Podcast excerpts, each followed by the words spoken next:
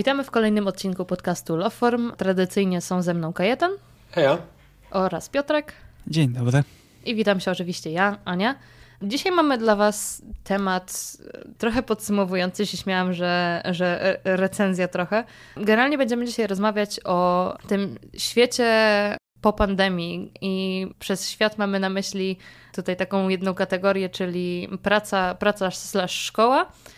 I generalnie e, będziemy podsumować nasze wrażenia, doświadczenia e, po tym całym okresie, w zasadzie ponad dwuletnim już. Recenzja pandemii w skrócie. Tak, recenzja pandemii. Także myślę, że warto zacząć od tego, kto z nas studiował jeszcze podczas pandemii, kto pracował, e, jak pracował i tak dalej. To nie wiem. Kto... Jak studiował. Jak studiował. Mhm. To co, klasycznie Piotrek, anegdotka? Kurczę, znowu mnie, znowu mnie strzeliliście, a ja znowu nic nie mam. Ojej. Kolejne nieprzygotowanie, ale dobra, jeszcze w tym sezonie jedną opowiem, ale nie w tym odcinku, także mogę zacząć ewentualnie o tej pracy albo studiach, bo no w moim przypadku to się pokrywało. Więc jeżeli chodzi o studia, to sytuacja była dość krótka, ponieważ przez nie rzuciłem studia, o. a przynajmniej ten kierunek, który wtedy miałem, czyli grafikę dlatego że, a to już w takim razie, bo nie będzie to zbyt dobra recenzja, to mniejsza jaka to była uczelnia, ale no kiepsko były przeprowadzone te zajęcia. Dostawaliśmy linki do YouTube'a, czego powinniśmy się nauczyć, czyli to wyglądało dokładnie tak samo, jakbym sobie sam wszedł na YouTube'a i szukał poszczególnych funkcji Photoshopa czy czegokolwiek yy, i się z tego uczył, także Część zajęć faktycznie, faktycznie była w miarę ok, bo mieliśmy kontakt z wykładowcami, ale te najważniejsze raczej kiepsko, dlatego postanowiłem, że nie będę tego dalej ciągnął. A jeżeli chodzi o pracę, no to tutaj pandemia mi poza mniejszą ilością zleceń nie zmieniła zupełnie nic, dlatego że od trzech lat tak czy siak pracuję w pełni zdalnie. Co ciekawe, nawet nigdy nie widziałem na oczy, to znaczy wiem jak wygląda, ale z osobą, z którą mam najwięcej współpracy i najwięcej kontaktu tak zawodowo, nigdy z nią nie rozmawiałem na żywo, ani o. nawet przez telefon e, rozmawiając, tylko przez tekst. Także w pełni zdalnie wszystko, co się da. Ale rozmowy wirtualne to akurat też jest tak w sensie bardzo popularne, żeby wideo na żywo, przez telefon, coś, wideokonferencję? Tak, pewnie, ale jakoś nie mieliśmy takiej też większej potrzeby, bo ta praca jest, ponieważ ja jestem w większej części, powiedzmy, montażystą wideo, czyli dostaję materiał, jeżeli już się ze sobą poznaliśmy, wiemy czego kto od kogo oczekuje, no to dostaję pliki, robię, zwracam i ewentualne poprawki wprowadzam i oddaję jeszcze raz w renderowany plik, także tutaj nie ma takiego dłubania, jak to jest czasem na przykład nad produkcjami filmowymi bardziej rozbudowanymi, gdzie po pierwsze też jest więcej osób, a jestem tutaj odpowiedzialny od cięcia po kolor w, w pewnej części tej pracy, ale w normalnej e, na przykład telewizji no jest osoba odpowiedzialna za kolor i to też zazwyczaj nie jedna, także każdy musi konsultować to, co zrobił, a ja po prostu oddaję gotowe pliki, właśnie jedyny kontakt to jest przy uzgadnianiu dostarczenia następnej paczki plików albo ewentualnie poprawki i drobne rzeczy w środku, także takiej poszczególnej pracy, poszczególnego kontaktu na co dzień nad każdą rzeczą, którą robię zupełnie nie mamy, bo też nie ma takiej potrzeby.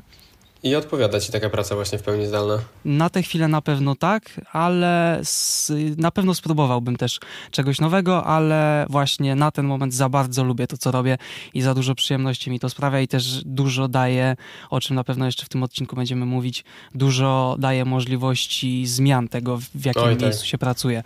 Więc na pewno bym tego na ten moment nie zamienił. Mega spoko. Anu, chcesz teraz, czy... E, mogę ja, bo w sumie ja praktycznie cały czas ten okres e, pandemii e, pracowałam, z wyjątkiem pierwszego, to były trzy miesiące, moment, policzę. Marzec 2020. Cztery, powiedzmy, powiedzmy cztery, cztery miesiące miałam nauki i studiowania w pandemii. No i generalnie w moim przypadku to było tak, że ja trafiłam na ten kompletny początek, gdzie wszyscy jeszcze wykminiali co i jak e, robić. W ogóle nauczanie zdalne to było jedna wielka niewiadoma. I muszę powiedzieć, że przez te cztery miesiące no, nie było to jakoś super świetnie prowadzone.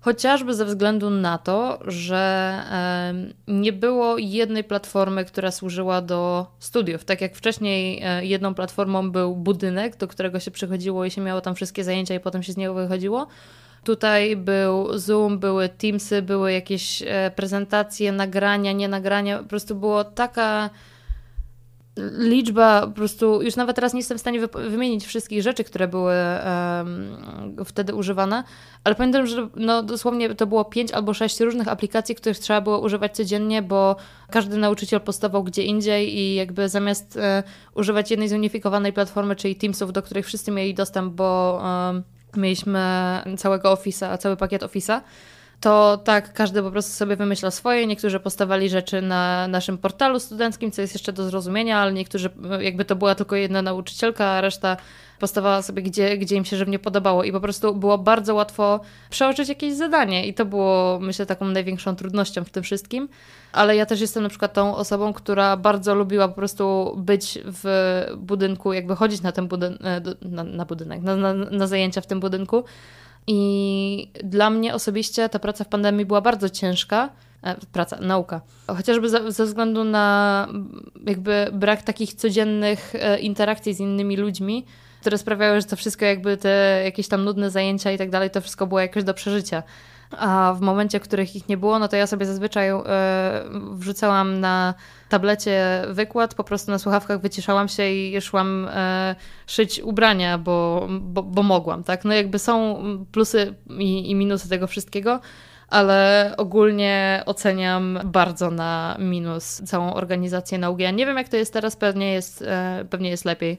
Mogę od razu wtrącić przeciwwagę tego, co ja miałem u siebie właśnie w tej szkole, z której zrezygnowałem, bo ty mówisz, że miałaś rozsypane zadania po wielu różnych miejscach. Druga strona też nie wyglądała jakoś rewelacyjnie, dlatego że my mieliśmy dla całej szkoły, dla kilkuset osób i kilkudziesięciu, kilkudziesięciu może nie, ale kilkunastu na pewno kierunków, jedną grupę na Facebooku, gdzie było Grupa po prostu rzucane randomowo zadania i trzeba było scrollować przez kilkadziesiąt postów, czy to ten jest z twojego kierunku, czy ten także to też nie wyglądało fajnie.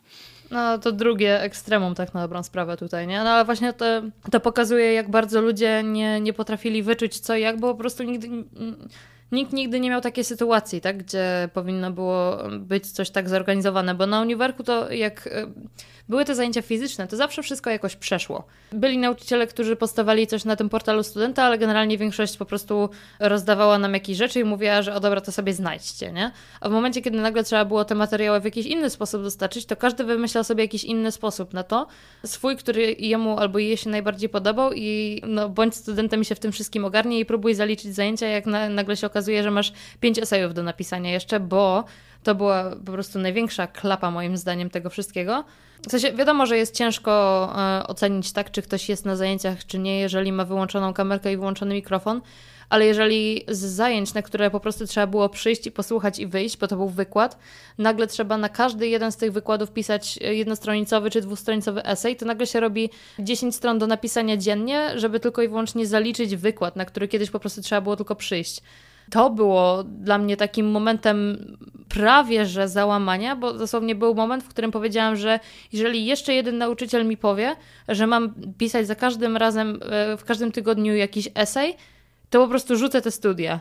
I było jeszcze dwóch nauczycieli, którzy mogli to zrobić, ale jednak, tego nie zrobili. Także zostałam na tych studiach koniec końców i je ukończyłam, ale no było po prostu tak blisko tego, żebym nie skończyła tych studiów, że to jest głowa mała. Także generalnie moje doświadczenie ze studiami zdalnymi było bardzo słabe. To może chociaż trochę lepiej było w pracy twojej zdalnej w takim razie, co? W sensie pracy właśnie, powiedz nam, czy praca zdalna, czy stacjonarna? Pracy zdalnej praktycznie nie miałam. Ja od momentu, kiedy zaczęłam pracę w moim obecnym miejscu, to miałam 4 dni w biurze i jeden dzień zdalny. Także u mnie no, 80% pracy było nadal e, w biurze, także tej pracy zdalnej bardzo mało doświadczyłam, ale generalnie przez pierwsze dwa miesiące to było tak, że ta praca zdalna w piątki to wyglądała, bo zawsze było w piątki u nas, przynajmniej dla naszego działu, zdalna praca, inne działy sobie jakoś inaczej wyznaczały. Ale no, dla mnie to było, jak ja wtedy robiłam jeszcze tylko support i zbierałam feedback, no to było takie sprawdzanie tylko co godzinę, czy coś mi tam wpadło do skrzynki i generalnie to był taki trochę dzień wolny. No ale te piątki u nas tak czy siak są luźne, bo jak potem się, y, ja w kwietniu chyba zaczęłam przechodzić na wszystkie pięć dni do, do biura, no to w kwietniu już to było takie, a dobra, te piątki to są w zasadzie takie luźne anyway, więc nie ma co tutaj się za bardzo e, tam karcić za to, że, że człowiek po prostu traktował sobie ten dzień jako trochę taki odpoczynek, czy żeby zrobić sobie jakieś pranie w domu i tak dalej. No ale generalnie u mnie dosyć dużo tej pracy było jednak po prostu będąc fizycznie w biurze, co nie zmienia faktu, że cały czas przez to, że ludzie byli na kwarantannie albo ludzie byli po prostu chorzy i nie przychodzili do biura, żeby nie, nie zarazić kogoś, kto wtedy może dostać, e, może złapać tą koronę. Także było to takie dosyć płynne przejście z tej pracy zdalnej do powrotu takiego kompletnego. Co nie zmienia faktu, że nadal bardzo dużo dnia e, wiele osób spędza na Teamsach, bo po prostu w tym momencie mamy już bardzo międzynarodową e, ekipę. Mamy ludzi w Stanach, mamy ludzi w, w Niemczech, także no, te spotkania online nadal będą. Ale wcześniej to było e, właśnie ze względu na to, że ludzie byli chorzy, nie przychodzili do pracy, co też jest moim zdaniem strasznie głupie. Ja sama doświadczyłam tego, że ja miałam koronę dwa miesiące temu, coś takiego. No i dosyć mocno, mocno mnie uderzyła. Naprawdę tak, że przez parę dni nie byłam w stanie wstać z łóżka ale przez to, że bardzo dużo ludzi praktycznie nie ma żadnych objawów przy, przy Omikronie, no to oczywiście było to traktowane po prostu jako work from home, a ja mówię, że nie, no ja nie jestem w stanie pracować, jestem dosłownie przykuta do łóżka, jak tylko pójdę wstać, e, pójdę wstać, jak tylko wstanę, żeby pójść sobie nalać wodę w kuchni, wypić i wrócić do łóżka, to już jestem po prostu tak zmęczona, że nie jestem w stanie palcem kiwnąć. No to sorry, nie jestem w stanie pracować w takich warunkach, więc to trochę ta praca, powiedzmy, zdalna też tutaj um, ucierpiała, bo w tym momencie człowiek jak jest chory, to nadal pracuje, jakby nie bierze zwolnienia chorobowego, tylko nadal pracuje z domu i to jest moim zdaniem bardzo niezdrowe. Nie wiem, czy to tak działa też w, w innych firmach, czy w Polsce ogólnie, ale zauważyłam, że u nas w firmie jest tak, że po prostu jak jest ktoś chory, to nie idzie na, na chorobowe na 2-3 dni, tylko idzie do domu nadal pracować. I to, to jest coś, co myślę, że pandemia zmieniła na gorsze. No, to zmieniło na przykład u Was, jak jest stacjonarnie, nie? Bo też teraz na przykład, jak zaraz ja opowiem o moich doświadczeniach teraz zawodowych, to mamy pracę w pełni zdalną, więc tak czy siak wszyscy są na zdalnych, a jak ktoś choruje, to u nas bierze wolne po prostu, nie? I nie ma jakby innej pracy zdalnej wtedy, tylko jest wolne. Więc ja myślę, że to zależy po prostu od firmy i od no, tego, jak pracuje, czy zdalnie, czy stacjonarnie, czy jeszcze jakoś hybrydowo. Także to pewnie jest, wiesz, case by case. W Holandii jest jeszcze mm, taka kwestia, że bardzo dużo ludzi pracuje w mieście, w którym nie mieszka. Ja mieszkam na południu e, Holandii, Eindhoven i znam e, osobiście bardzo dużo ludzi, którzy pracują w Amsterdamie. I oni pracują z biura jeden dzień w tygodniu, a resztę mają zdalnie tylko i wyłącznie dlatego, że dojazd z Eindhoven do Amsterdamu zajmuje e, często ponad dwie godziny i żeby oszczędzić czas na e, dojazdach, no to firmy mówią, że dobra, możesz pracować z domu.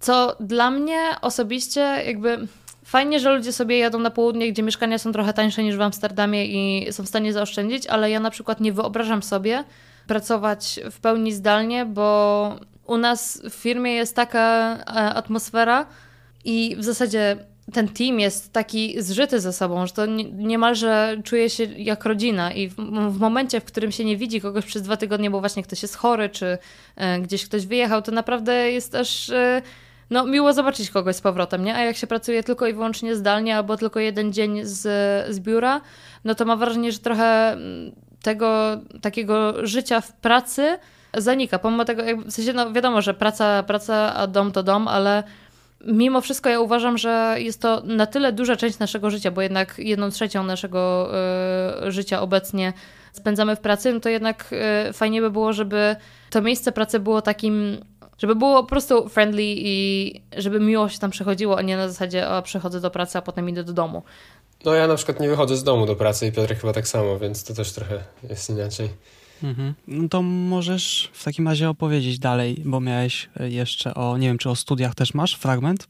Tak, no właśnie, no to moja historia w takim razie pandemiczno-zdalno, naukowo-zawodowa. Dużo myślników to było w tym zdaniu chyba. U mnie pandemia zaczęła się w momencie studiów chyba, jeżeli taki może istnieć, to w dość idealnym, bo w trakcie moich siedmiosemestralnych studiów na ostatnie cztery semestry przyszła pandemia mniej więcej, więc Czyli z jednej na strony... pół Już... twoich studiów, a nie na ostatnie cztery semestry? No, ostatnie cztery semestry, no, no, czyli na ponad pół moich studiów, no. Tak, ale mi chodzi, że no. gdyby było mhm. rok później na przykład, to też już tak trochę sama końcówka, pisanie pracy, jakby wydaje mi, znaczy nie, no nie doświadczyłem, nie, ale wydaje mi się, że byłoby trochę słabo, słaby moment po prostu na to, żeby tak na dość najważniejszym momencie się przesiadać. No ja miałam chyba najgorszy moment, szczerze mówiąc. No ty miałaś taki najgorszy właśnie, jeszcze u ciebie na licencjacie to też się o innej porze roku kończy i też chyba ci jeszcze gorzej przez to wyszło trochę. No, nie, no to, to była tragedia, absolutnie. No właśnie, no to jakby u mnie na studiach inżynierskich siedmiosemestralnych było naprawdę tyle, ile może być, myślę, spoko, bo przez trzy semestry się udało poznać trochę tych ludzi, z którymi się na studiach jest, więc to też nie było tak, jak potem następne roczniki przychodziły, że nigdy się nie poznali, tylko jest imię, nazwisko i może kamerka jak włączy na Teamsach czy czymś, tylko one się poznaliśmy, już człowiek się dogadał z tymi osobami, z którymi się lepiej dogadywał i jakby był w stanie utrzymywać kontakt w trakcie pandemii, czy to były studia, czy to nie było studiów, jak chciał.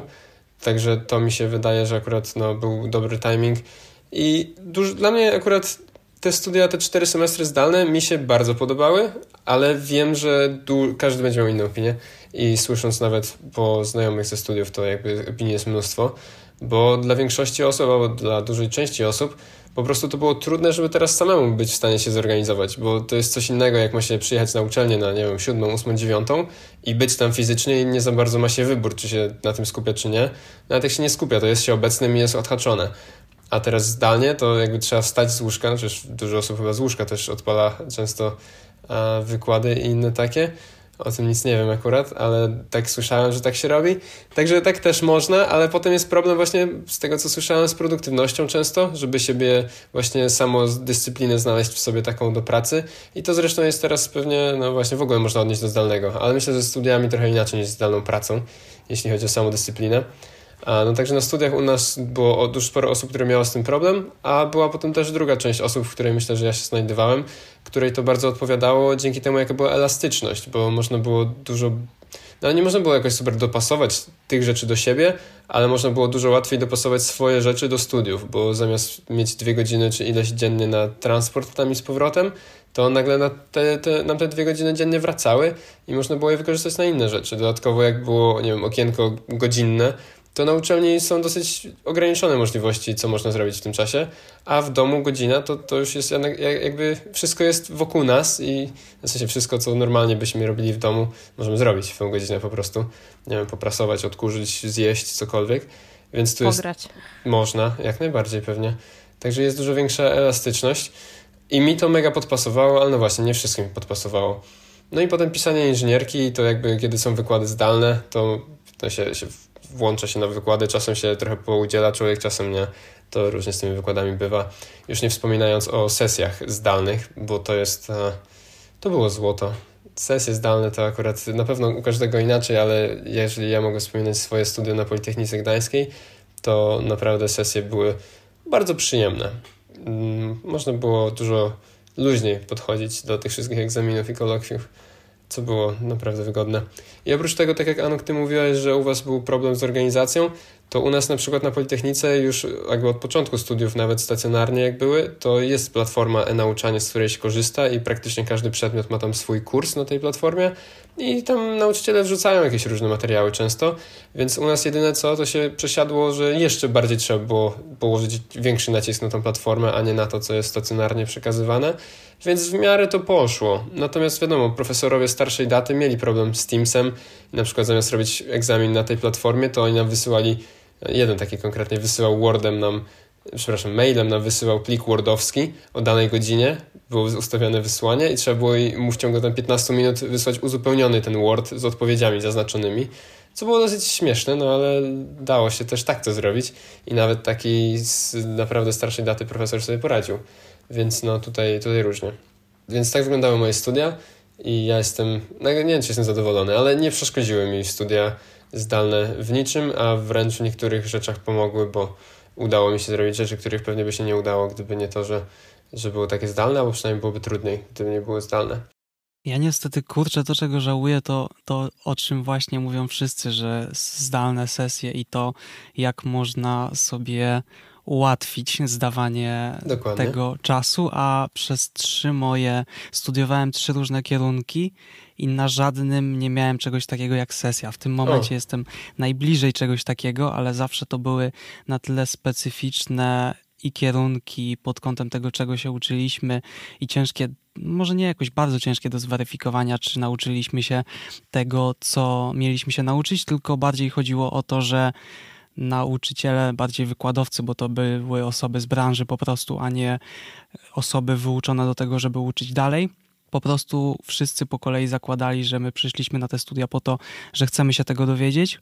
I jeżeli mamy się przygotowywać albo nie przygotowywać na sesję, to równie dobrze możemy się przygotować albo nie przygotować do przyszłej rozmowy rekrutacyjnej. Jeżeli się nie przygotujemy, to nie miejmy wyrzutów do szkoły, że po prostu nie dostaliśmy pracy, bo nic nie umiemy. I jedynie teraz jestem najbliżej czegoś takiego, czyli mam oddać pracę zaliczeniową, ale zawsze to właśnie wyglądało tak, że może nie tyle nawet zaufanie, co taka chęć wymuszenia przez wykładowców na nas tego, żebyśmy my faktycznie chcieli się tego uczyć i bardzo dużą część zajęć, bardzo duża część zajęć to było właśnie po prostu pokazywanie nam co możemy robić, albo co nawet musimy, jeżeli bardzo chcemy osiągnąć w danej branży jakiś sukces, czy jakikolwiek po prostu zawód, a nie tego, czy oni chcą, żebyśmy my się nauczyli poszczególnego jednego elementu. Także takie rzeczy jak sesja i ściąganie lub nie ściąganie na nich jakoś mnie stety albo niestety zupełnie ominęło. Ale to podejście, o którym mówisz, wydaje mi się naprawdę wartościowe, bo to tak w sensie dużo bardziej życiowe, bo to, że ktoś wymaga, żeby, no tak jak Ania mówiła, żeby napisać 10 stron eseju, to jakby, no nie sądzę, Ania, żebyś wyciągnęła jakieś dużo wartości z tych pisania tego eseju, a bardziej cię to skłoniło, tak jak mówiłaś, do prawie rzucenia studiów, więc to jest zupełnie nieżyciowe i zupełnie nie prostudenckie w żaden sposób. A to, co, o czym mówisz, jest takie, martwcie się o siebie. Jedyne, co wyciągnęłam, co wyciągnęłam z tego pisania tych 10 stron na, na, na różne zaliczenia, było to, że My to nazywamy w moim kręgu znajomych bullshit powers. I generalnie jest to e, coś, co pewnie się przyda raz na jakiś czas przy pisaniu listy motywacyjnego, czy jakichś postów na LinkedInie, czy czegokolwiek, ale generalnie to, jak bardzo się nauczyłam pisać jakieś po prostu totalnie rzeczy z niczego, gdzie mam jedno zdanie i jestem w stanie je rozwinąć do całego paragrafu, to myślę, że to jest największa rzecz, jaką się nauczyłam z tych studiów. Lanie wody.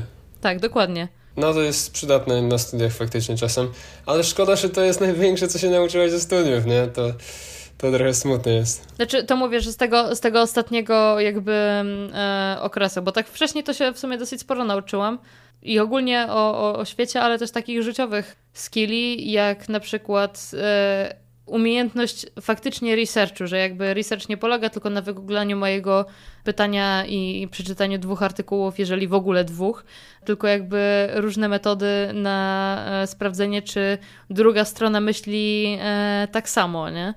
To w tym temacie mógł się też dużo nauczyć, a przynajmniej miejmy nadzieję, że tak było, ten podcast w porównaniu do studiów. To Anuk, musisz tę umiejętność tutaj nam faktycznie wdrożyć trochę, żeby być też bardziej niż pro jesteśmy teraz, bardziej anty niż pro. A jeżeli jeszcze kończąc moją historyjkę wstępową, który ten wstęp nam się całkiem ładnie rozbudował już chyba, a tylko o moim doświadczeniu z pracy zdalnej z kolei już, a nie studiów, to właśnie wychodząc ze studiów, a właściwie jeszcze zanim wyszedłem ze studiów właśnie kończonych zdalnie, to byłem dosyć przekonany wewnętrznie, że okej, okay, to jest ten moment, kiedy chcę zacząć pracować i wiem, że chcę zacząć pracować zdalnie, a nie stacjonarnie, bo po prostu dla mnie ta wygoda pracy zdalnej naprawdę była bardzo ważna. No i e, okazja akurat się natrafiła sama z siebie nawet i wyszło tak, że od teraz już czterech ponad miesięcy, więc nie super długo, no ale od czterech miesięcy e, pracuję sobie zdalnie, w pełni zdalnie. Bez, jego kilka razy byliśmy w jakimś kołorku wynajmowanym, ale tylko bardziej w celach integracyjnych niż dlatego, że trzeba było więc powiedziałbym, że 99% pracy to jest praca zdalna, a nawet jest 100, bo jak się jest w tym coworku, to się mniej pracuje tak naprawdę w naszym przypadku, bo jak już się widzimy raz na czas, to trochę inaczej jest niż jak się człowiek codziennie spotyka i tak przychodzi tam pracować. A niemniej pracuję zdalnie i jest mi bardzo z tym dobrze, bo mogę zacząć o której godzinie chcę, nie muszę się martwić o stanie w korkach czy jakikolwiek dojazd, czy właśnie cokolwiek innego i jak to co najważniejsze chyba, jak wychodzę z pracy, to w tym samym momencie mam już czas wolny, jestem w domu i jakby zamiast wracać jeszcze do pracy zmęczonym czy cokolwiek, to już jestem w domu i mogę od, momentalnie zmienić całe, no może nie swoje otoczenie, ale zmienić, co jest akurat może minusem czasem, ale mogę zmienić całe swoje, nie wiem, swoją perspektywę bez jakby tutaj właśnie sprawy czasowej. No właśnie chciałam zapytać, czy jakby nie dobija cię to, że cały czas spędzasz w domu i twój dom jest twoim miejscem pracy, bo to jest, pamiętam, e, rzecz, która dla mnie była najcięższa w tym wszystkim, że e, jakby mój pokój, który normalnie był miejscem odpoczynku, nagle stał się miejscem pracy i to było dla mnie takie bardzo e, stresujące, bo ja nie miałam takiego miejsca, do którego bym mogła, że tak powiem, uciec i wiem, że ty masz swój setup u siebie w pokoju, i jakby dla mnie na przykład osobiście to było nie do zrobienia. ale no, no, mówię, to jest kwestia tylko i wyłącznie perspektywy, tak? Bo dla mnie coś, co jest e, w ogóle najgorszym koszmarem, to dla kogoś innego może być e, wymarzona e, sytuacja. Także to ja w takim razie jeszcze dopytam, y, bo odpowiesz na to pytanie i możesz od razu dorzucić swoją odpowiedź, bo wspomniałeś o miejscach coworkingowych, co też nie, nie wszyscy muszą wiedzieć, że warto się czasem rozejrzeć, czy zazwyczaj w, jakichś, w jakichś większych miastach. Poza pracą w siedzibie firmy albo domu jest też po prostu możliwość pójścia sobie do takiego wyznaczonego miejsca dla ogólnie pracowników wielu firm albo po prostu, po prostu restauracja czy kawiarnia, zamówić sobie coś do picia i przesiedzieć te parę godzin i popracować. I pytać pytanie, czy próbowałeś czegoś takiego, bo ja zawsze chciałem, ale przez to, że przyszła pandemia, to właśnie nawet nie miałem okazji pójść do takiego miejsca y, zupełnie samemu, bo mówiłeś, że byliście grupowo, ale żeby właśnie zmienić sobie otoczenie z, ze swojego domu czy pokoju, ale na pójście właśnie nie do firmy, gdzie ktoś albo pracuje nad czymś takim jak ty i możesz się jakkolwiek porównywać, czego możesz lubić albo nie lubić takiej rywalizacji, albo po prostu faktu, że patrzy na ciebie szef, tylko po prostu pójść do miejsca, którego nie znasz, ale w którym możesz czuć się dość luźno pracując. Uch, no właśnie, to są mega ciekawe sprawy i ja osobiście nie mam z tym za dużo doświadczenia, bo ja pracuję z domu i nie miałem też okazji za dużo właśnie z tego domu wychodzić, pracować gdzieś indziej, oprócz dwóch dosłownie miejsc coworkingowych, gdzie byliśmy grupami. Samemu nigdy nie wychodziłem sobie, żeby posiedzieć w kawiarni, popracować. Jest to ciekawa opcja, ale akurat wydaje mi się, że mieszkam trochę za daleko od centrum i od jakichkolwiek kawiarni, żeby to korzystać. W sensie inaczej, nadal bliżej byłoby mi do centrum niż do tego miejsca stacjonarnej pracy co kiedyś, e, w sensie tego coworka, coworku. Natomiast wiem, że jest pewnie trochę w tym wartości, ale ten minus też jest taki, że jak się chodzi do kawiarni, no to ma się tego laptopa i w sumie niewiele więcej, a mi na przykład jest super wygodnie siedzieć przy moim biurku, gdzie mam też zewnętrzny monitor, zewnętrzną klawiaturę, myszkę i, i wszystko, także pracuję tak, jak mi jest wygodnie. Wiem, że w kawiarni po prostu byłem trochę ograniczony jednym e, ekranem i jedną klawiaturą. Natomiast tak jak mamy na przykład mojego przyjaciela, z którym pracuję i on bardzo często zmienia otoczenie i tylko jeździ z laptopem w różnych miejscach i właśnie w kawiarniach i, i gdzieś indziej pracuje, to nie mam super dużo wrażeń od niego do przekazania, ale wydaje mi się, że całkiem mu to pasuje i często lubi po prostu iść gdzieś usiąść w kawiarni z laptopem i pracować. Chociaż jak już zaczął w domu pracować z wewnętrznym monitorem, to też mówi, że mu to przeszkadza potem brak tego monitora, więc to jest też kwestia przyzwyczajenia na pewno. No i hałasy często są w kawiarni mi się dość często zdarza, może nie jakoś mega często, ale no na pewno raz w miesiącu zdarza mi się zupełnie zmienić na kilka dni otoczenie, w którym pracuję. Nie mowa o pokoju, tylko zupełnie o miejscu, na przykład wyjeżdżając na dwa dni do innego miasta dzięki plusom, które się z tym wiążą, że mogę być przez chwilę w zupełnie innym miejscu i wyjść sobie po południu na spacer po czymś, co nie wygląda jak okolica mojego domu, pracując właśnie zdalnie, to oduczyłem się, bo miałem wcześniej do montażu, co by się wydawało dość oczywiste, że zewnętrzny monitor, mam 16-calowego laptopa więc do obróbki filmów czy grafiki wręcz konieczne było przez niektórych posiadanie monitora. Ja go miałem i przez to, że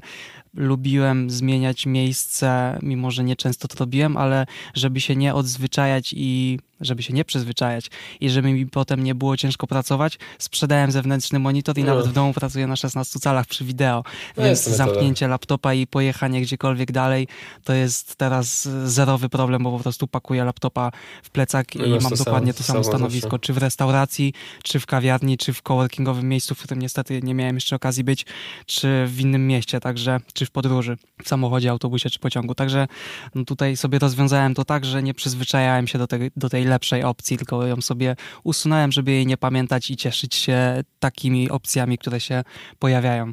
No jest to metoda zdecydowanie. Jest to, można i tak podejść do tego.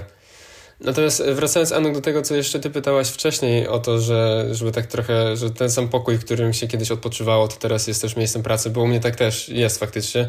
Niektórzy mają, może mają w domach dedykowane miejsce do pracy i myślę, że to może być zdrowe, w sensie inaczej. Wiem, że badania pokazują chyba z tego, co mi się wydaje, e, że to jest zdrowe. Tak teraz wiem, że pod, mi się wydaje, że to jest zdrowe i po prostu to jest dobre umysłowo, żeby mieć dedykowane miejsce, że tu się śpi, tu się pracuje, tu się odpoczywa i wtedy umysł trochę łatwiej się też przestawia między tymi miejscami i kojarzy jedno miejsce z jedną czynnością. No ja mam na przykład tak, że po prostu u mnie w pokoju, przy biurku, to wydaje mi się, że już od lat robiłem jakieś różne rzeczy, które były niekoniecznie związane z odpoczynkiem, a bardziej właśnie z jakąś aktywnością. Natomiast wydaje mi się, że po prostu u mnie też miałem to, nie wiem, szczęście, czy po prostu tak wyszło, że dosyć płynne u mnie było przejście między właśnie takimi projektami, które sobie w pokoju robiłem po szkole, po potem studiach, do jakiejś takiej teraz już pracy zawodowej, chyba tak to można nazwać, do pracy zawodowej. I jakoś nigdy nie zauważyłem, że tak nagle moje miejsce odpoczynku stało się miejscem pracy i odpoczynku. Tylko jakoś tak już jak sięgam w w tył pamięcią, to tak było od jakiegoś dłuższego czasu i tak się coraz bardziej po prostu działo. Ale tak jak mówię, to jest mój jeden przypadek. Myślę, że faktycznie to nie u każdego może też tak samo wyjść. Szczególnie jak właśnie całe życie tylko w pokoju odpoczywał i potem nagle 8 godzin dziennie, 5 dni w tygodniu z tego samego pokoju pracuje przy jednym biurku, nie? To myślę, że, że to by było problematyczne dla mnie również, gdybym był w takiej sytuacji. Po prostu u mnie inaczej sytuacja wyglądała. A pojawił się u ciebie problem, o którym pisze wiele artykułów o pandemii pracy zdalnej, czyli nieumiejętności przez ludzi wyłączenia sobie komputera i nie myślenia o pracy, bo zauważyłem po sobie, a może nie na tyle zauważyłem po sobie, tylko znalazłem od tego rozwiązanie, bo faktycznie też tak miałem, czyli ten klasyczny schemat, gdzie zamyka się o 16 czy o którejkolwiek się kończy pracę komputer, ale gdzieś tam po głowie dalej chodzi czy na pewno się zrobiło wszystko, co trzeba było, czy może trzeba poświęcić na coś chwilę więcej i to wydaje mi się, że jest dość duży problem w momencie, gdy się nie pracuje nad y, projektami, tylko nad po prostu jakąś konkretną pracą. I wiem, że to bardzo zależy od firmy, czyli od tego, ile dziennie na przykład klientów się zgłasza po support, czy wiele takich innych rzeczy, ale jeżeli jesteśmy w stanie sobie podzielić pracę na poszczególne zadania możliwe do wykonania, po pierwsze możliwe y, do oszacowania, ile powinny zająć, a później poukładania sobie tego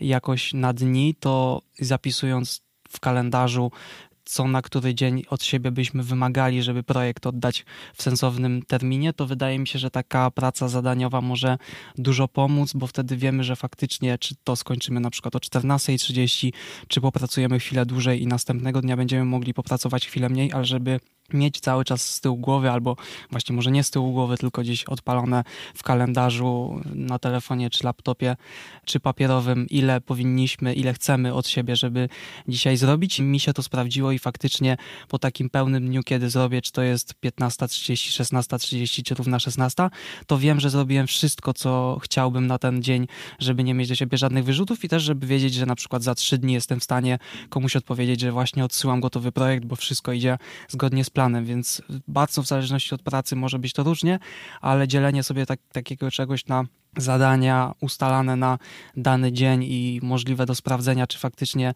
wszystko, co chcieliśmy, zostało wykonane, to wydaje mi się, że jest bardzo dobry punkt do tego, żeby nie mieć do siebie właśnie wyrzutów sumienia. Ale właśnie o to cię chciałem zapytać, czy miałeś takie coś, że, że gdzieś cię tam ciągnęło, żeby jeszcze a, o 18.30 na 10 minut coś odpalić?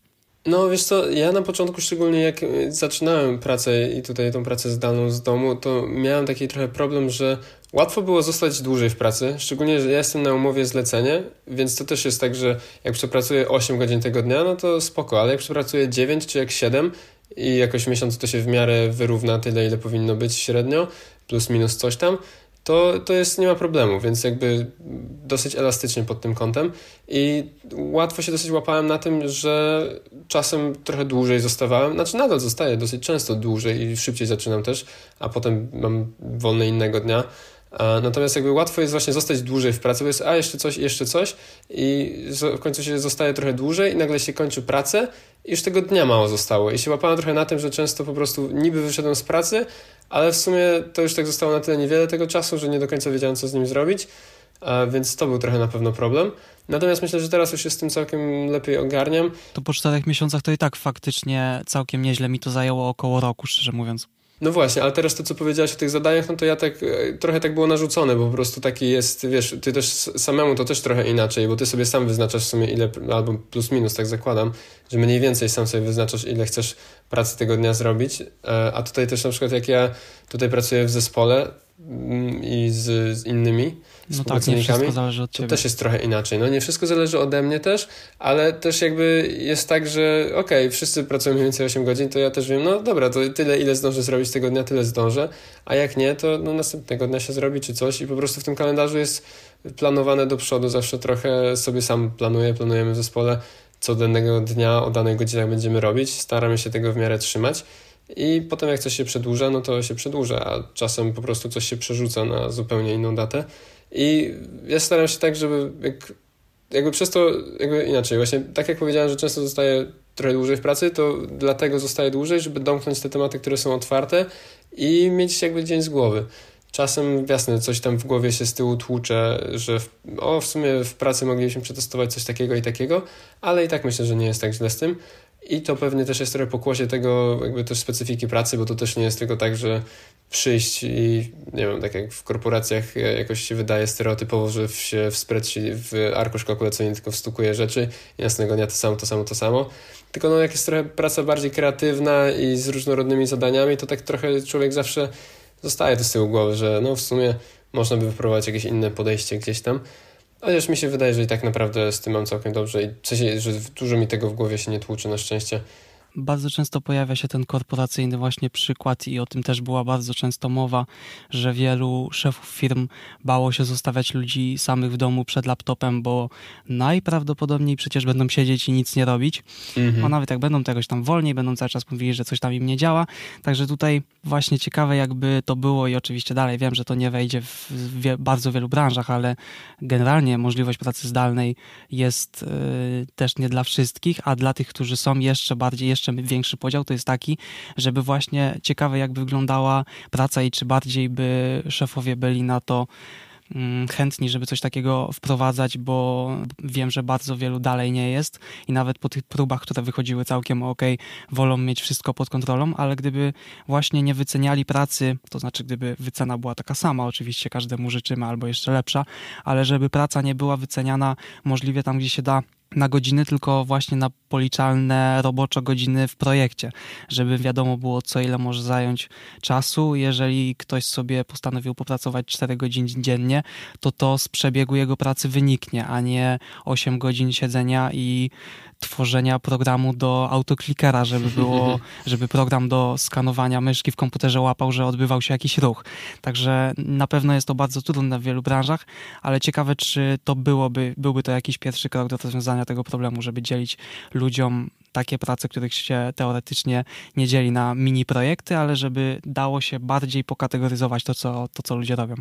No, ciekawe, tylko to myślę, że właśnie jest wiele branż, w których to by po prostu nie zadziałało. Nie? Wszystkie branże kreatywne to ciężko jest wycenić, ile czasu coś zajmie, bo jak chciała napisać tekst, to albo coś Myślę, właśnie... że to nie jest tylko też kwestia e, branży, ale też człowieka, bo na przykład ja jestem o, osobą, która kompletnie jakby nie umie pracować z domu. Dla mnie jest tyle rzeczy rozpraszających w domu, że ja naprawdę muszę go zostawić i wyjść do biura, bo tak, ja siedzę sobie teraz przy biurku, ale wiem, że E, patrzę na podłogę na przykład, nie? I widzę, że podłoga jest brudna. To po prostu chcę wziąć jakąś miotłę czy odkurzacz i e, pozbyć się tego brudu z podłogi. Dobra, potem siadam z powrotem i widzę, że jakaś kolejna rzecz jest, która jest do zrobienia. Po prostu jest tyle takich rzeczy, które mnie rozpraszają, których nie mam w miejscu pracy, że pomimo tego, że ja dosyć sporo, myślę, czasu dziennie spędzam na jakichś rozmowach czy, czy pogawędkach z e, współpracownikami, to myślę, że to nie jest w ogóle nigdzie blisko tego, ile czasu bym spędzała w domu, jakby na jakichś takich totalnie innych rzeczach, yy, typu jakieś, nie wiem, pranie, sprzątanie, gotowanie. Ale to właśnie jest taki mega ciekawy punkt, wydaje mi się, który ostatnio zauważyłem, jak mieliśmy w zeszłym miesiącu integrację, że tam do Gdańska przyjechały dwie osoby z zespołu, mam taki pięcioosobowy zespół, ale jedna osoba siedzi w Stanach, więc zostały cztery osoby, ja i jeszcze jedna w Gdańsku, jeszcze dwie przyjechały do nas do Gdańska. I mieliśmy integrację, gdzie w ciągu dnia poszliśmy na, na coworku właśnie i dla mnie to było takie ciekawe przeżycie, głównie dlatego, że wcześniej, kiedy byłem w coworku, to moje pierwsze trzy dni w pracy i potem od tej pory już nigdy, ale nie, jeszcze potem byłem w sumie, no ale to nie, no nieważne. Chodzi o to, że teraz tak jak jestem przyzwyczajony do pracy zdalnej i tak jak już nauczyłem się pracować zdalnie dosyć moim zdaniem produktywnie i efektywnie, to kiedy nagle znalazłem się wśród naszej czwórki właśnie w coworku, gdzie byliśmy w jednym pomieszczeniu i teoretycznie każdy siedział przy swoim laptopie i miał swoje rzeczy do roboty, nawet często dosyć niepowiązane z tymi innych osób, to moim zdaniem po prostu ja byłem mi było niewygodnie z tym, jak, jak moja produktywność spadła, bo po prostu było tak łatwo porozmawiać z kimś, tu pójść po kawę razem, tu coś tam na chwilę stać się przejść, tutaj właśnie jakiś niby z pracy się zaczął temat i nawet o pracy się rozmawia, ale się nie wykonuje tej pracy, którą się miała wykonywać. I po prostu dla mnie to było takie, że wow, naprawdę razem w ciągu dnia pracy zrobiłem mniej w coworku niż zawsze robię w domu, ale jestem też przekonany, że to by się zmieniło, gdyby do tego coworku, czy do po prostu zwykłej stacjonarnej, stacjonarnej pracy przychodzić bardziej regularnie, bo to też było taki trochę element takiej, że no nie, nie widujemy się w ogóle. Pierwszy raz się widziałem z jedną z osób na oczy na żywo, więc to też był taki trochę element nowości, że okej, okay, widzimy się, jesteśmy tutaj razem, więc też trochę inaczej towarzysko bardziej pewnie nieco mogło spędzać ten czas. Natomiast mega ciekawe dla mnie po prostu było to, że tak jak ludzie, tak jak pandemia się zaczynała i właśnie mówiłeś Piotrek, że szefowie się bali, żeby ludzie, ludziom nie spadała produktywność pracując z domu, ja teraz miałem totalne, totalnie odwrotne wrażenie, że mi spadła produktywność pracując stacjonarnie. Jestem pewien, że to, mówię, minęłoby z czasem i też każdy inaczej, ale po prostu było to dla mnie tak ciekawe, że totalna odwrotność tego, o co się ludzie bali na początku pandemii, co na pewno było w ogóle usprawiedliwione w dużej części i wiele osób też pewnie korzystało z takiej pracy zdalnej, żeby trochę mniej produktywnie ten czas spędzać niż w biurze by się spędzało. No ale to też ciężko policzyć, bo rozmowy z pracownikami to też tak, to też nie jest, że jest zmarnowany czas przecież, nie? Tylko jak się o pracy rozmawia, to... Ja myślę, że to jest też kwestia tego, że bardzo wiele um, miejsc pracy, czy, czy szefów, czy menadżerów sobie nie zdaje sprawy z tego, że tak na dobrą sprawę ta ilość pracy, która powinna być dawana pracownikowi, nie powinna być na 40 godzin, bo człowiek musi zjeść, musi wstać, musi sobie zrobić przerwę, e, musi pójść do toalety i właśnie ten kontakt międzyludzki z pracownikami, więc to tak na dobrą sprawę nigdy nie jest 40 godzin. I w momencie, w którym jest się w domu, no to jakby wykorzystuje się ten czas na inne rzeczy niż na właśnie rozmowę z innym pracownikiem i tak dalej, ale też jest kwestia tego, że bardzo często w biurach jakby e, jest taka sytuacja, na przykład ja mam pracę kreatywną, tak, więc e, dużo e, czasu mojej pracy polega na myśleniu, na wymyślaniu jakichś rzeczy, ja się teraz zastanawiam, jak coś powinno wyglądać. I jakby czasami mój szef przechodzi do mnie, obok mnie i się śmieje, że no i, i pukaj w tą klawiaturę, żeby chociaż wyglądało, że pracujesz, to jest, myślę, bardzo dużo ludzi, którzy nie mają wystarczająco pracy, żeby mieć te 40 godzin nie da im się dać po prostu nawet więcej tej pracy i teraz udawanie, że, że się pracuje, to jest jedna z najgłupszych rzeczy moim zdaniem i przynajmniej jak jest się w domu i ma się tą pracę zdalną, to można ten czas wykorzystać na coś innego, co jest autentycznie produktywne, niż udawanie, że się pracuje. Także też tutaj punkt, punkt siedzenia zależy od punktu patrzenia, tak to się mówi? Punkt widzenia zależy od punktu siedzenia, no. Tak, i to też w bardzo wielu branżach mimo że punkt siedzenia w danej branży może być ten sam, bo mm, jakoś tam też się to, co robię, łapie do branży kreatywnej z tym wideo, ale na przykład u mnie zupełnie nie ma czegoś takiego jak siedzenie i zastanawianie się, jak jakaś rzecz powinna wyglądać. Oczywiście są pewne rozwiązania, które trzeba przemyśleć i efekty, które albo zrobię to tak, albo tak, ale najczęściej jest u mnie przynajmniej właśnie to, co mówiłaś, że trzeba wstać, coś zjeść i pójść do łazienki, ale u mnie faktycznie 8-godzinny dzień pracy to jest 8 godzin klikania i patrzenia w klawiaturę, bo ja muszę daną część zrobić, czy to jest kolor, czy cięcie, czy montaż, to po prostu to musi być zrobione poprzez wyklikanie tego, więc to też mm, nie da się tego podzielić na takie przerwy. W sensie godzina przerwa nagle nie zmieniłaby zupełnie tego, może by mi się głowa jakoś oczyściła i bym może szybciej myślał, ale wątpię, żeby było to warte godziny nie klikania zupełnie w klawiaturę, bo mogę samym klikaniem do czegoś dojść. Także to bardzo, bardzo zależy od tego, czym się zajmuję, ale jeszcze chciałem na sekundkę tylko wrócić i też podpytać, jak tu się bawimy w mikrowywiady Kajetana, bo Ania mówiła, że cię bardzo dużo rzeczy rozprasza. U mnie totalnie może być na biurku też słowo na B określające nieład i nie przeszkadza mi to zupełnie w pracy, bo jestem skupiony w pełni na tym, co mi się wyświetla na ekranie, także mi to nie przeszkadza i no i właśnie też nie mam takiego problemu i właśnie Kajetan, ponownie pytanie do ciebie, czy tobie cokolwiek w domu przeszkadza po tych czterech miesiącach? Czy przeszkadzała, już nie przeszkadza na przykład? Że, jeżeli chodzi o dystrakcję właśnie? Mhm. Wiesz co? To jest dobre pytanie. I wydaje mi się, że jedyne co najbardziej, to że jak, jakby, no, tak jak są przerwy na jedzenie, w sensie kiedy chcę coś zjeść, to po prostu, jakby to też nie jest tak, że jem co 5 minut, ale w ciągu dnia śniadanko, lunch i obiad często wchodzą, a czasem śniadanko i lunch tylko, albo śniadanko, obiad to jakby są dwie, dwa momenty jedzenia powiedzmy w ciągu dnia pracy. I to chyba najbardziej, co jest najłatwiej się złapać na dystrakcji, to jak już się zacznie tą przerwę na jedzenie i na przykład ja sobie tam idę do innego pokoju zjeść, często odpalam YouTube'a po prostu do jedzenia, tak jak często.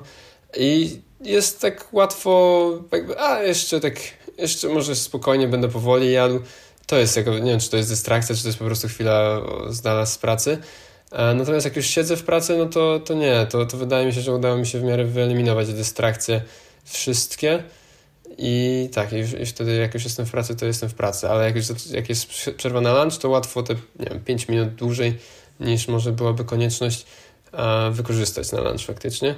Natomiast no, nie ma z tego tytułu żadnego problemu, nie? O ile się, o ile nie ma spotkania czy coś, to, to jakby to luźno.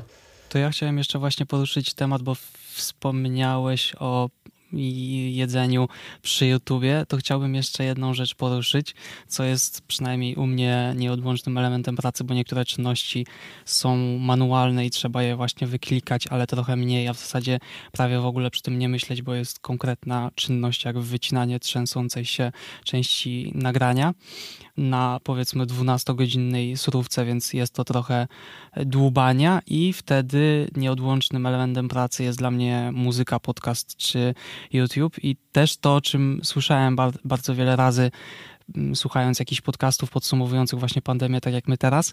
I bardzo, bardzo często było poruszane właśnie to, że ostatnie dwa lata jak nigdy pokazały, że powinniśmy szanować i doceniać pracę swoich ulubionych twórców i nieważne, czy to są wielcy technologiczni dziennikarze, muzycy czy tam tiktokerzy, niech im też będzie, ale jeżeli ktokolwiek robi coś, co sprawia nam przyjemność, to dobrze sobie właśnie uświadomić, że kurczę, po prostu fajnie, że ktoś tworzy, czy zawodowo, czy nie, ale że ma na to czas, czy pieniądze właśnie pozyskiwane z tego, że tworzy, bo jest taka możliwość. Więc fajnie, że tacy ludzie po prostu są i te parę osób, które naprawdę sprawiają, że przyjemniej nam mija czas, czasem warto je w jakiś sposób wesprzeć. Nie mówię totalnie o naszym podcaście, bo, bo nie, ale warto właśnie jakim, o jakimś patronajcie czy czymś, czy, na, czy jakimś YouTube Premium za parę złotych wesprzeć kogoś, bo naprawdę przynajmniej w moim przypadku, jeżeli na 7 dni pracy dwa to są rzeczy właśnie niezwiązane z myśleniem, no to naprawdę bardzo wiele fajnych treści można posłuchać w tym czasie.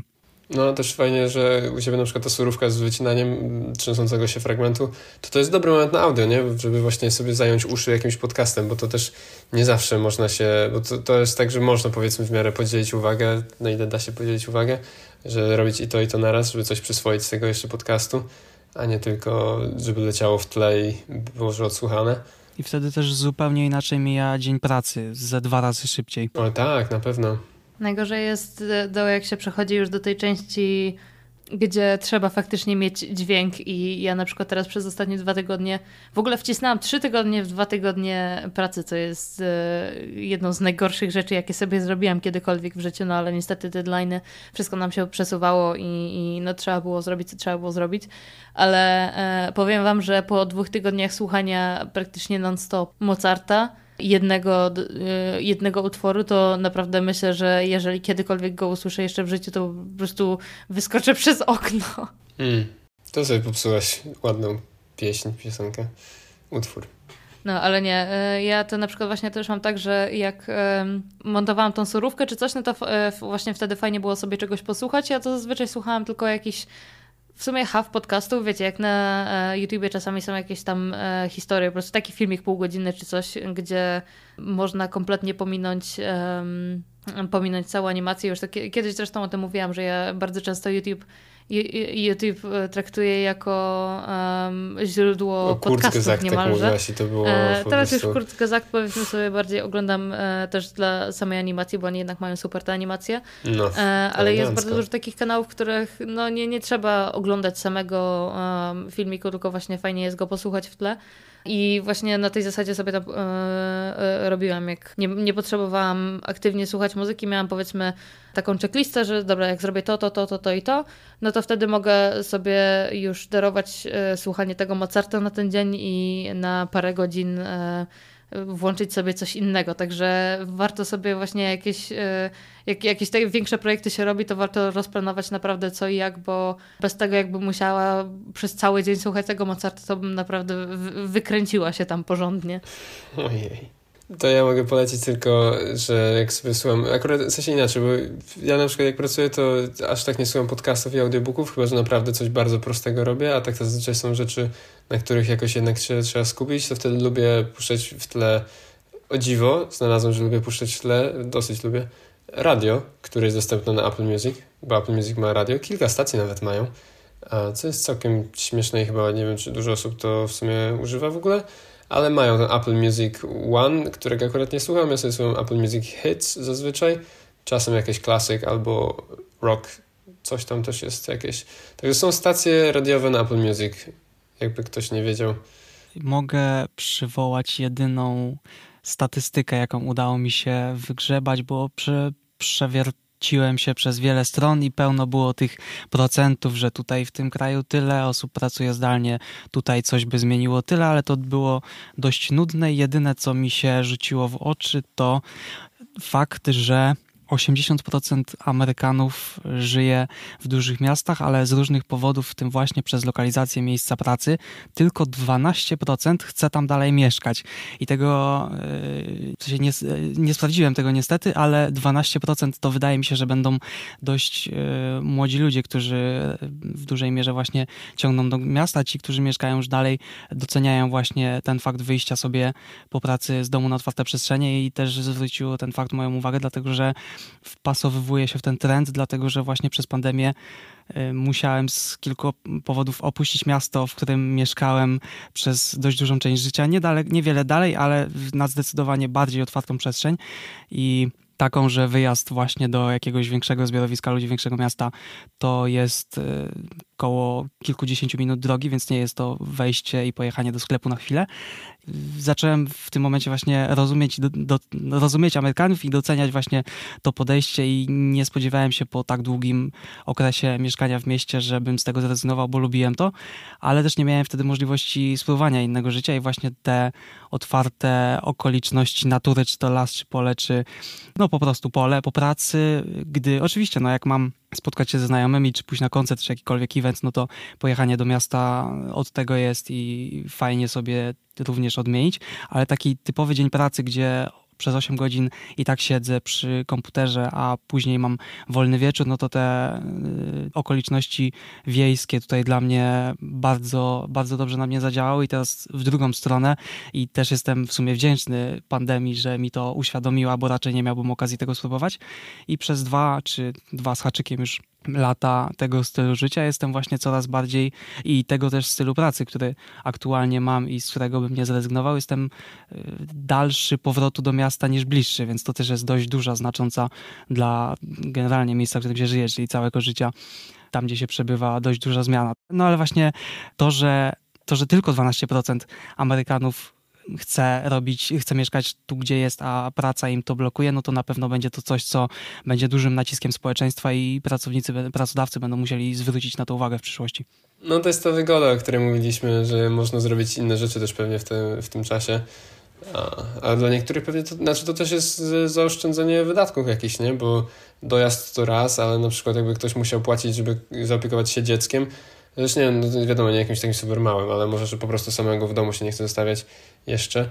No jedzenie na, mie na mieście, czy jedzenie gdzieś tam w pracy. tak, tak. Także to realnie wpływa na to, ile z tej pensji nam zostaje.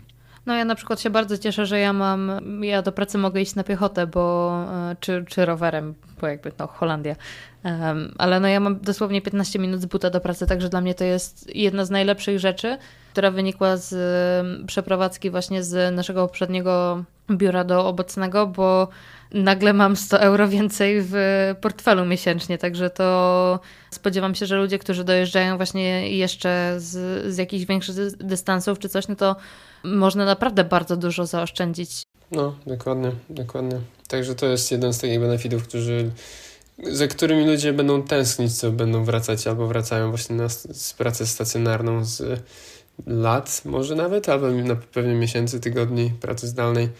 No to są dwa, dwa różne świadki. Następne pięć lat powiedzmy pokaże, jak to wpłynęło w dłuższym rezultacie, bo na razie jesteśmy w momencie historii, gdzie to się dopiero skończyło, znaczy powoli miejmy nadzieję się kończy, bo na dobre się jeszcze nie skończyło, ale no to dopiero najbliższe lata, w zasadzie po tym jak się właśnie to skończy, pokażą, czy szefom się to spodobało, czy pracownicy na pewno tak wolą, czy jednak po opracowaniu przez kolejny rok znudzi im się siedzenie samemu, także ta część historii jeszcze przed nami. No na przykład coś, co ja mogę już powiedzieć teraz, że jest takim, myślę, dosyć bezpośrednim efektem pandemii jest to, że przez to, że produktywność ludzi wzrosła właśnie przez tą e, pracę zdalną, przynajmniej powiedzmy tam w tych niektórych branżach, tak jak Kajto mówił, ale generalnie w bardzo wielu e, państwach Europy można zaobserwować to, że firmy wprowadzają czterodniowy dzień pracy bo się okazuje, że tą samą ilość pracy można wykonać po prostu w mniejszej ilości e, czasu, jeżeli e, po prostu ludziom, da się do tego warunki odpowiednie i, ich się zmotywuje. I za tą samą płacę, nie zwiększając liczby godzin dziennych, czyli ludzie nadal pracują 8 godzin dziennie, czyli z 40 te godziny się zmienił, zmniejszyły do e, 32, co też powiedzmy nie jest tam e, do końca aż tak prawdą, bo powiedzmy, ja na przykład osobiście myślę, że pracuję z 25 godzin e, w tygodniu, także u mnie by to się zmniejszyło z 25 do 20. Także to nie jest aż taka duża różnica. Ale właśnie e, ludzie zauważyli, że można faktycznie tyle samo pracy wykonać w krótszym e, czasie, bez jakiegoś tutaj terroryzowania pracowników, że mają wyrabiać normę Myślę, że jeszcze w Polsce trochę czasu e, minie, zanim to zostanie wprowadzone, bo Polska ma też trochę inny, inny styl pracy. Przynajmniej cały czas e, jeszcze z tego, co słyszę od ludzi, którzy e, dopiero zaczynają swoją pracę w jakichś tam korpach. Nie, myślę, że w ogóle nie ma co patrzeć na przykłady korporacji, bo jeżeli mamy czterogodzinny tydzień pracy, w którym możemy zrobić coś, to dla szefa to nie jest cztery dni, w którym zrobimy to, co wcześniej w pięć, tylko pięć dni, w którym to, co wcześniej sześć, więc to będzie zawsze, zawsze dopychanie w górę, więc ja bym tutaj patrzył na takie mniejsze firmy, a nie mm, siedziby z Warszawy, które po prostu pchają tyle pieniędzy, ile się da i znaczy tyle w rozwój pieniędzy, ile się da, a niekoniecznie pracownikom, także patrzyłbym tu na, na takie właśnie mniejsze zespoły, które mogą to wprowadzać. Znaczy, tak, bo tu mówisz, że y, nie ma co patrzeć na duże korpy, ale na przykład e, żona mojego menadżera, ona pracuje dla IGN. I oni normalnie mają czterodniowy dzień pracy, przy czym oni mają chyba 36 godzin w tygodniu, czyli oni mają 9-godzinny dzień pracy, przy czym też mają wliczoną godzinną przerwę na lunch i tak dalej, więc koniec końców z tego wychodzi 8-godzinny e, dzień pracy i funkcjonuje to bardzo dobrze, więc ja też pracuję w firmie, w której liczy się wynik, więc e, o ile po prostu skończysz projekt, no to super, jeżeli skończysz go szybciej, no to dobrze dla ciebie, nie? Nie ma czegoś takiego, że skończyłeś zadanie, to sobie znajdź następne, nie? Po prostu skończyłeś zadanie, to jest teraz czas na, na jakiś tam odpoczynek, jest fajnie, że jesteś wydajnym człowiekiem. No a potem na jakimś tam e, czy miesięcznym jakimś spotkaniu, czy my mamy na przykład kwartalne, jest ocena tego, jak się pracuje, co można zrobić i tak dalej. No i potem, e, jak wychodzi na to, że e, człowiek ma dosyć dużo wolnego czasu, no to się myśli o tym, jak można mu tam jakoś kreatywnie ten czas zapełnić, a nie na zasadzie, że człowiek, jak skończy zadanie, to się teraz stresuje, czy znajdzie szybko jakieś następne, żeby nie było, że, że się obija w pracy, nie? Ja się tak w ogóle właśnie zastanawiam, biorąc krok do tyłu trochę, że co by było, kurczę, gdyby ta pandemia przyszła takie 10 lat wcześniej, jakby świat zareagował, bo teraz mamy taką technologię, że to nie był aż, w sensie nadal było to wyzwanie, żeby się przesiąść e, na pracę zdalną, ale gdyby to było 10 lat wcześniej, o właśnie w 2010 roku w tych okolicach, to jakby, no, jakby technologia nie była nigdzie blisko obecnej technologii. To był etap iPhone'a 4, coś takiego? No, w 10 roku tak, 4 wychodził, no bo 3G, w, no nie, w sumie nie, chyba jeszcze 3GS wychodził w 2010, ale nie jestem pewien, no te okolice tak czy siak, nie? Także z telefonu, no nie podłączysz się do wideokonferencji za bardzo, przedniej kamery nie było jeszcze w 3GS-ie, dopiero w czwórce się pojawiła chyba, a nie była raczej też świetnej jakości. Internet też na pewno nie był takich prędkości jak ma teraz i nie było takiej dostępności z domów. Ludzie nie mieli takich komputerów jak mają teraz. Także jestem mega ciekaw po prostu jakby to wyglądało, gdyby to się wydarzyło wcześniej. Czy myślicie, że gdyby nie pandemia, to byśmy dostali kamerkę e, Full HD w MacBookach e, później niż teraz? Mm, myślę, że śmiechu już było na tyle od wielu lat, że mogło mieć to jakiś wpływ, ale branża i tak już mocno pchała, żeby to w końcu weszło. Cisnęła mocno. I tak Apple tam powoli dosyć szło, bo to, że odblokowanie iPhone'a bez Apple Watcha w masce, to chyba dopiero weszło jakoś teraz, miesiąc czy dwa temu czyli praktycznie po dwóch latach pandemii. Ludzie, którzy nie nosili Apple Watchów, mogli odblokowywać iPhony w maskach. No, Apple czasem żyje sobie swoim życiem. No, kto im zabroni, nie? Największa firma na świecie. Też jeszcze chciałem wrócić do tego, co mówiłeś, Kajetan, że 10 lat temu mogłoby być dużo trudniej, bo nie było takiej dostępności, ale też trzeba pamiętać, że 10 lat temu też nie było aż tylu firm, które w ogóle mm, potrzebowałyby pracy zdalnej, bo nie było, nie wiem czy dobrze powiedziałem to, o co mi chodzi, że, że 10 lat temu było w ogóle mniej firm, które można by było realnie przerzucić na pracę zdalną, bo wtedy by nie istniały, bo to były wytwórnie, no też nie mówimy o jakimś tam rozwoju lat 90., gdzie wszyscy pracowali w fabrykach, ale o tym, że nie byłoby potrzeby, nie byłoby możliwości przerzucania ludzi na pracę zdalną, bo wtedy to by nie była żadna praca, bo by nie mieli co robić. Tylko właśnie o to mi chodzi, że jeżeli ludzie, nagle pojawia się pandemia, wszyscy muszą pracować mm, stacjonarnie, bo praca jest stacjonarna, nie ma jak zdalnie pracować, bo to jest praca manualna, na przykład tak jak mówisz, i nagle przychodzi pandemia i przychodzi lockdown, gdzie nie można przychodzić do pracy, no tam bardzo nieliczne zawody e, dają szacun pracy. No, czyli to by było dokładnie mniej więcej tak jak teraz w tych zajęciach, które trzeba wykonywać ręcznie.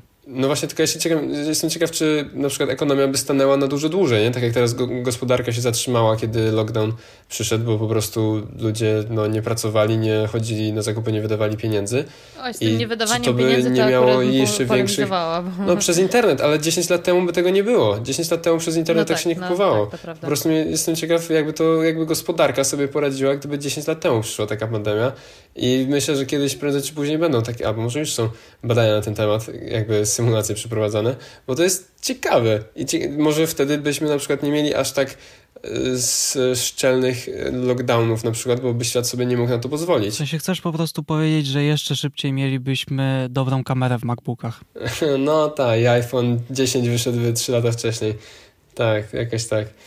Nie, no jestem ciekaw, nie? To takie można teoretyzować, co by było, gdyby. No tak jak pandemia teraz przyszła, to przyszła znowu w takim dosyć, jeżeli może być idealny, to w całkiem niezłym czasie, bo świat był dość gotowy na przełączenie się na pracę zdalną i funkcjonowanie zdalne, na naukę zdalną. Może nie idealnie gotowy, ale nigdy nie byłby gotowy idealnie pewnie. Technologia była bardziej gotowa niż ludzie. Tak, na pewno. To, to, to jest ładnie powiedziane. Na pewno technologia była bardziej gotowa na pracę zdalną niż ludzie byli na nią gotowi. Niemniej chyba ta pandemia trochę właśnie przyspieszyła taką zmianę, która i tak zachodziła, bo tej pracy zdalnej chyba i tak coraz więcej było z roku na rok pewnie przed pandemią, a jak przyszła pandemia, no to popchnęła, uff, w ogóle nie do porównania, popchnęła w tą stronę jeszcze bardziej. Więc też ciekawe właśnie, że może gdyby nie pandemia, to za 10 lat byśmy byli w tym miejscu, gdzie jesteśmy. Po pierwsze, to ludzie spróbowali pracujący w takich klasycznych urzędach pracy zdalnej, czego by nigdy nie mieli okazji spróbować. No właśnie, także Nigdy. Hmm. No chyba, że po prostu tak by szła cyfryzacja też do przodu, że prędzej czy później wszystkie takie stanowiska by się Ale tak zmieniały. tak samo z siebie, a nie wymuszone, to to by był, podejrzewam, bardzo długi proces. No, Żeby w klasycznym polskim urzędzie wysłać kogoś do roboty do domu, no to są lata.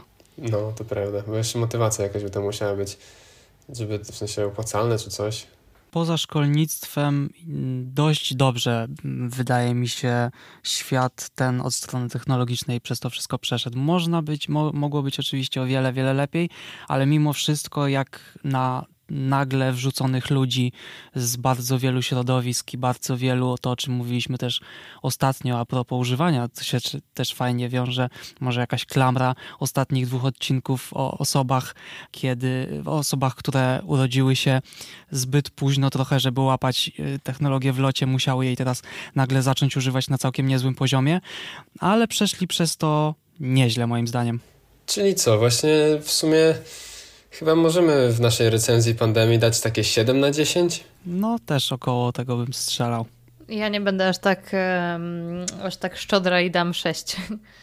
Ale to tylko i wyłącznie przez moje absolutnie tragiczne przejścia y, przez y, uniwerek, także... Okej, okay, okej. Okay. Myślę, że no może 6,5.